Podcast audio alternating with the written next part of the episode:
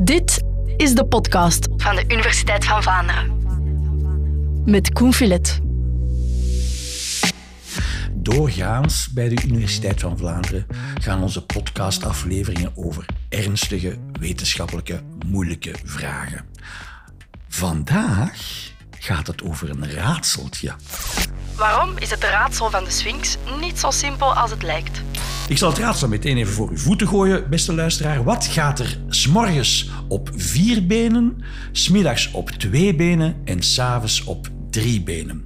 Dat is een klassiek raadsel. Ik hoor u, ik hoor bepaalde luisteraars tot hier het antwoord roepen. Ik ga zelf het antwoord nog niet geven, want ik zit hier niet om antwoorden te geven. Professor Nadia Sels zit hier om antwoorden te geven. Uh, u werkt aan de Universiteit van Gent, faculteit Letteren en Wijsbegeerte. En u doseert daar het vak klassieke mythologie. En dit raadsel komt uit de klassieke Griekse mythologie. Dat klopt helemaal. Gaan we meteen het antwoord? Nee, we gaan nog niet meteen het antwoord geven op het raadsel. Laat ons even. Nee, nee we gaan de spanning wat ophouden. Ja, Ehm, het is een raadsel dat wordt voorgelegd aan de Griekse held Oedipus. En die naam zal ook wel iets zeggen aan de luisteraars. Dat is die van, Door het, een het complex. Hè? Dat is, de man van het complex, Ja, inderdaad. Maar we gaan een beetje langs dat complex heen wandelen, denk ik, in, in eh, deze aflevering. En het raadsel dat u daarnet voorlas, ehm, wordt hem gesteld door het mythische monster de Sphinx. Nu, de Sphinx, eh, er ligt er een in Egypte natuurlijk, Mhm. Ja, ja. maar die van Oedipus die is iets anders. Eh, dat is een wezen met een lichaam van een leeuw, de vleugels van een adelaar, soms de staart van een slang en het gezicht van een mooie jonge vrouw. Ah ja, dat is nog wat ingewikkelder dan inderdaad de klassieke Egyptische sphinx, die volgens mij bestaat uit de kop van een mens en het lijf van een leeuw. hè. Meer onderdelen komen daar niet aan te pas. Zoiets, ja. En ehm, het, het beeld is waarschijnlijk afkomstig, heeft linken met eh, de Egyptische cultuur, maar dat zou ons te ver leiden. In elk geval, die sphinxen spelen ook een heel belangrijke rol in de Griekse mythologie en ook in de beeldende kunst trouwens, waar ze heel vaak afgebeeld worden. Ja, ja, ja. En eh, die sphinx die heeft zich dicht bij de stad Thebe op een berg... ehm, eh, eh, rug geplaatst, waar hij alle mensen die naar Thebe willen gaan kan tegenhouden. Hij houdt hen dat raadsel voor en wie het antwoord niet weet, die wordt ongenadig opgevreten. Oké. Eh, dus onze Oedipus, dat is een wandelaar. Hij heeft zijn redenen om naar Thebe te komen, want hij heeft een complexe geschiedenis achter de rug. En hij is eigenlijk gewoon op zoek naar een nieuwe plek in de wereld. En hij komt langs die Sphinx en de Sphinx stelt hem het raadsel. En hij is de eerste die het raadsel, alleszins zo schijnt het, kan oplossen. Oké, dit is het moment om het, om het raadsel op te lossen. Wat is het antwoord dat Wie, Oedipus wie van geeft? ons zal het zeggen? Ja, nee, u bent, u bent deskundige. Ik zou nu kunnen zeggen, eh, zoals Oedipus deed, ik weet het antwoord op dit raadsel. Het antwoord is... Wacht, dan wacht. Eerst, we zeggen eerst het raadsel nog even. Dus het raadsel was, wat loopt er s'morgens op vier benen, smiddags op drie benen, nee, op twee benen en s'avonds op drie benen? Ja, dat is het. En het antwoord is... De mens. Of dat antwoordt alleszins Oedipus. En het lijkt dat hij het juist heeft, want de Sphinx reageert onmiddellijk zeer dramatisch door zich te pletter te storten van de klif. Wacht eens even. De mens, hoe zit dat dan met die vier poten s'morgens of vier benen s'morgens? Dat is een baby. Ja, dat is een baby die kruipt eh, en nog niet recht kan staan. Hij leert dan wandelen en gaat in de bloei van zijn leven op de middag twee op benen. twee benen staan. Ja, en waar zijn die drie benen? En tegen de avond ehm, wordt hij oud en loopt hij met behulp van een stok. Juist, drie benen. Oké.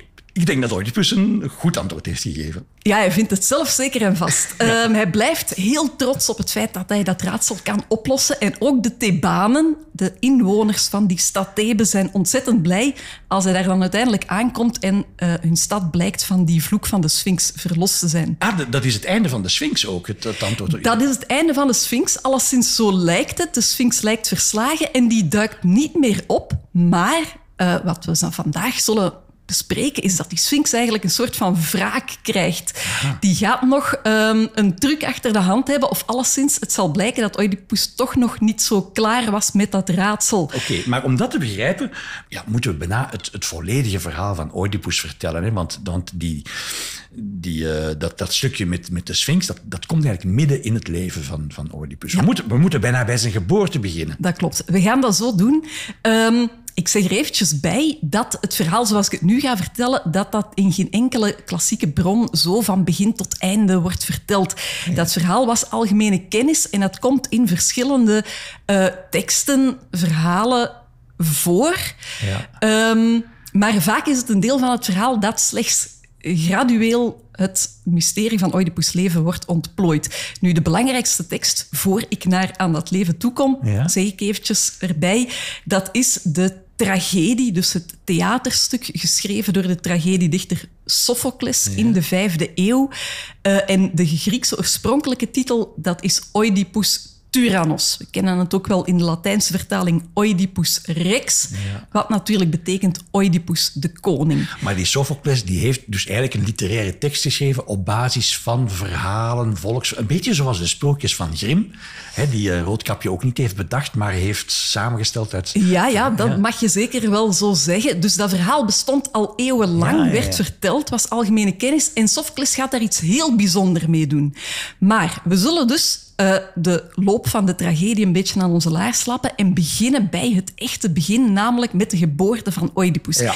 En dan moeten we al meteen het, het, de blinde vlek van Oedipus adresseren, want hij weet eigenlijk niet wie zijn ouders zijn, maar eigenlijk waren dat de koning en koningin van Thebe, de stad waar hij nu als vreemdeling toevallig beland is. Oedipus is een prins. Een, Hij een is een Thebaanse prins, hij is een Thebaanse prins, de zoon van koning Laios en koningin Iocaste, maar dat ouderpaar heeft een orakel gekregen dat hun eh, pasgeboren zoontje, Oedipus dus, bedoeld is om eh, zijn vader te doden en met zijn moeder te trouwen. Ja. Dat is niet zo'n fijn vooruitzicht Nee. natuurlijk voor hen. Zo, En- zo kennen we het Oedipus-complex ook. hè? Inderdaad, Ja, ja, ja. inderdaad. Daar komt, Vadermoord en- daar, daar haalt Freud de mosterd. Eh, dus het jonge prinsje wordt te vondeling gelegd. Om een of andere reden Ah, doorboren ze nog zelfs zijn voetjes om te zorgen... Ik weet het niet, vreemd Ja, element. Maar zo ver mogelijk van die zo vader ver en zo ver mogelijk van de die vader moeder. Nu, het lot vindt natuurlijk altijd wel een manier en hij wordt gevonden door een herder en na veel vijven en zes wordt hij geadopteerd door een ander koningspaar. Het Mhm. koningspaar van de stad Korinthe. Nu, eh, in sommige versies krijgt hij daar dan, ironisch genoeg, hetzelfde orakel te horen van pas op jongen, jij gaat je vader doden en met je moeder trouwen.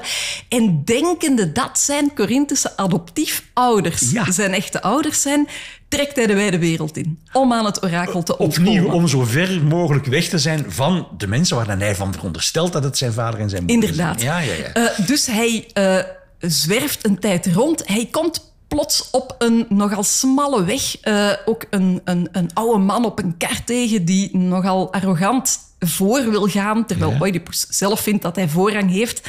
Een vroeg geval van verkeersagressie. Ehm, het komt tot, tot klappen en hij doodt per ongeluk die oude man. Oh. Dan trekt hij verder. En de luisteraars voelen al wie die oude man zou kunnen zijn. Dan trekt hij verder. Hij komt de Sphinx tegen. Hij verslaat de Sphinx. Hij lost het raadsel op. Hij lost het raadsel op. En hij wordt daarna ehm, met vlag en wimpel binnengehaald in Thebe, waar eh, de bevolking zo blij is dat iemand de Sphinx heeft verslagen, Ja. dat ze zelfs bereid Een, zijn een vreemdeling uit om een uit absolute Corinthe, vreemdeling Ja. eh, tot koning van Thebe te kronen. En hij mag met eh, de jonge weduwe van de pas gestorven koning trouwen. Want heel toevallig is de oude koning Laios, maar we weten natuurlijk hoe de vork aan de steel zit, Ja. net gestorven. Dus Oedipus trouwt met, met, met de koningin van Thebe, niet wetende dat dat zijn biologische moeder Nee, is. hij weet niet dat dat zijn biologische moeder is. En hij weet ook niet dat die oude man die hij even geleden gedood heeft op de weg zijn biologische vader is. Dus in, naar onze normen is hij volledig schuldloos. Juist. Hij weet, weet niet dat hij die twee gigantische taboes heeft overschreden. Nu, eh, vele jaren gaat dat goed en hij eh, regeert eigenlijk als een ideale vorst over Thebe, maar dan, eh, en nu komen we bij het begin van de tragedie van Sophocles, breekt de pest uit. En de pest is heel duidelijk een straf van de goden, dus hij raadpleegt een orakel. Heel veel van dit verhaal gaat ook over van uh, wie heeft er kennis? Is dat te vinden bij de goden? Is dat te vinden bij de mensen? Het is waar. Het is de derde keer al in het ja, verhaal ja, ja, dat er absoluut. een orakel Dus dat uh, is echt een thema. Hij raadpleegt dat orakel en dat orakel zegt hem van kijk, Thebe wordt gestraft omdat de moord op de oude koning eigenlijk nooit is opgelost. Dan gaan wij dat oplossen. Dan gaan we dat oplossen, zegt Voilà, ja. eh, de grote raadseloplosser. Oedipus. Want zo zegt hij dat ook bijna letterlijk van... Ik ben immers... eh, jongens, bij mij kunnen jullie terecht. Mhm. Ik heb eerder een onmogelijk raadsel opgelost. Ik zal het nu Ah, ook ja, weer ook doen. Ja, ja. En ik zal degene zijn die die moordenaar vindt. Dus hier wordt eigenlijk een eh, cliché uit de detectieve-roman Maar ja, geboren. Het is een Netflix-serie. Ja, absoluut. De eh, detectieve is eh, in het geheim zelf degene die Ja. hij zoekt. Ja. Na veel vijven en zessen, want we zullen de tragedie hier inkorten, stap voor stap zal het raadsel zich natuurlijk onthullen en zal blijken dat hij zelf niet alleen ehm, degene is die die vader gedood heeft, maar dat hij ook nog eens de zoon van die oude koning en die koningin was met wie hij zelf getrouwd is en kinderen heeft gekregen. En dan eh, steekt hij zijn ogen uit en hij eh, kiest ervoor om weg te trekken uit Thebe, om zo Thebe van de vloek te verlossen. Als blinde... Als blinde oude man, steunend op een Ah, ja, ja, ja. stok. Daar hebben we die drie benen weer. Ehm, dus eh, dat is iets wat eigenlijk niet zo vaak in verband met elkaar gebracht wordt. Als we bijvoorbeeld naar een opvoering van Oedipus Rex gaan kijken, dan is dat raadsel van de Sphinx eigenlijk al naar de achtergrond verdwenen. Ja, en je vraagt je zelfs af, wat doet die Sphinx daar eigenlijk? Oké, voor, de, voor het verhaal heb je een soort van probleem nodig dat Oedipus oplost, waardoor hij een beloning krijgt en mag trouwen met die koningin. Maar waarom moet dat een Sphinx zijn en waarom Ja. moet dat een rateltje zijn? Maar daarom is het nu wel leuk om eh, dat schijnbaar onbetekenisvolle raadseltje hier toe te lichten, ja, omdat ze ja, eigenlijk elkaars tegendeel zijn. Dat raadsel enerzijds en de tragedie anderzijds. Eh, en als je de tragedie kent, dan verschijnt dat raadsel in een heel ander licht. Want het, eh, het mooie is, eh, als je goed kijkt naar wat er in die tragedie gebeurt, dan wordt dat raadsel daar bijna teruggespoeld als een filmband. Wat heeft Oedipus gedaan? De Sphinx eh, houdt hem het beeld van een soort van monsterachtig, gefragmenteerd wezen voor. Een, Een wezen dat eerst op vier poten... dan- een onmogelijk wezen, zoals ze zelf ook Ja. een onmogelijk wezen is. Ah, ja, ja, dat is waar. Maar Oedipus ehm, is heel nuchter. Eh, hij denkt vanuit, vanuit zijn eigen perspectief. En hij zegt van nee, dit is helemaal geen monster. Dit is iets wat ik heel goed ken. Namelijk mijzelf, een zelf. mens. Ja, ja, ja. Eh, dus het gaat, het gaat er ook over van wat betekent het om jezelf te kennen. Ja.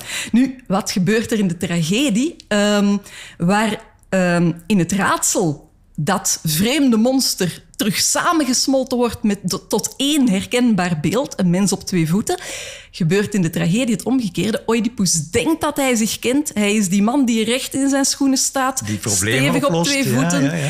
Eh, die het overzicht heeft op wat hij is. Een man maar uit één stuk. een Zo- man, absoluut. Een man uit één stuk. En zo moeten we het echt als bijna een beeldverhaal lezen. En wat gebeurt er doorheen die tragedie? Langzaamaan valt dat beeld in stukken uiteen.